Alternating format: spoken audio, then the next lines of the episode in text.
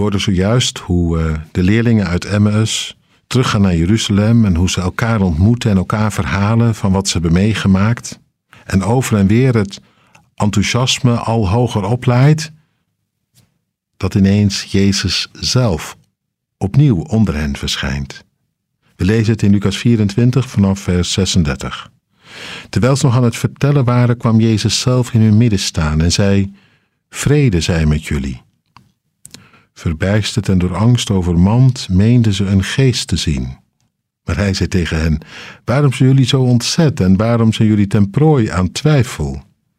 Kijk naar mijn handen en voeten, ik ben het zelf. Raak me aan en kijk goed, want een geest heeft geen vlees en beenderen, zoals jullie zien dat ik heb. Daarna toonde hij hun zijn handen en zijn voeten. Omdat ze het van vreugde nog niet konden geloven en stom verbaasd waren, vroeg hij hun: Hebben jullie hier iets te eten? Ze gaven hem een stuk geroosterde vis. Hij nam het aan en at het voor hun ogen op. Dit vind ik een aparte ontwikkeling. Vind je ook niet? Een soort anticlimax. Zij laaiend enthousiast, hij leeft. Hij is verschenen, we hebben hem gezien. Geen twijfel aan.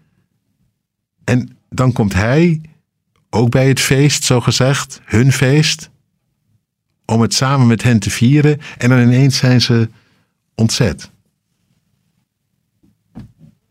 Alleen maar schrik. Je zou toch iets anders verwachten?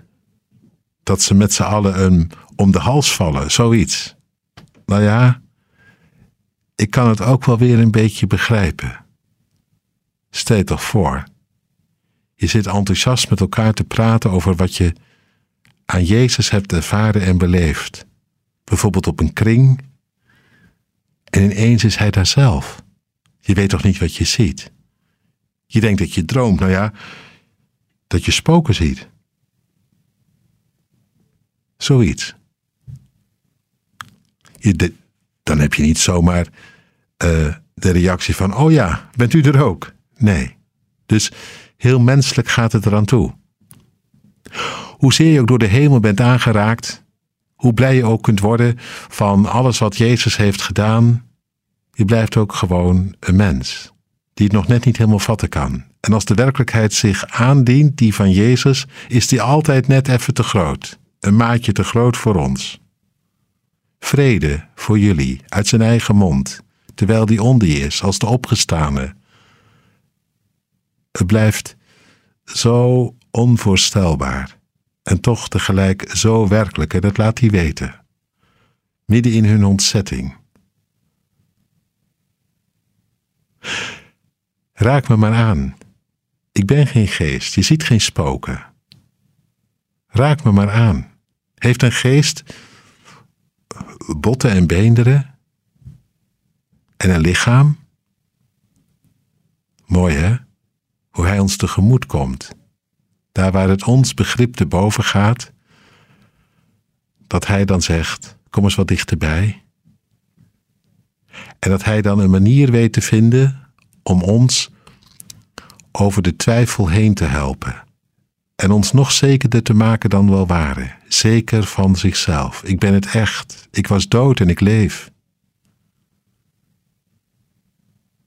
Elke keer als je dat bedenkt, dat Hij het echt is. Ik bedoel, dat Hij de dood inging en nu de levende is. Een heel nieuw bestaan, een heel nieuw lichaam. En dat van Hem dat had mijn toekomst beloofd. Ja, dan blijft het altijd iets wat te groot is. Dan moet hij mijzelf even nabij komen. Met een woord, met een belofte, met zijn geest sowieso. Om mij dat onmogelijke te laten geloven.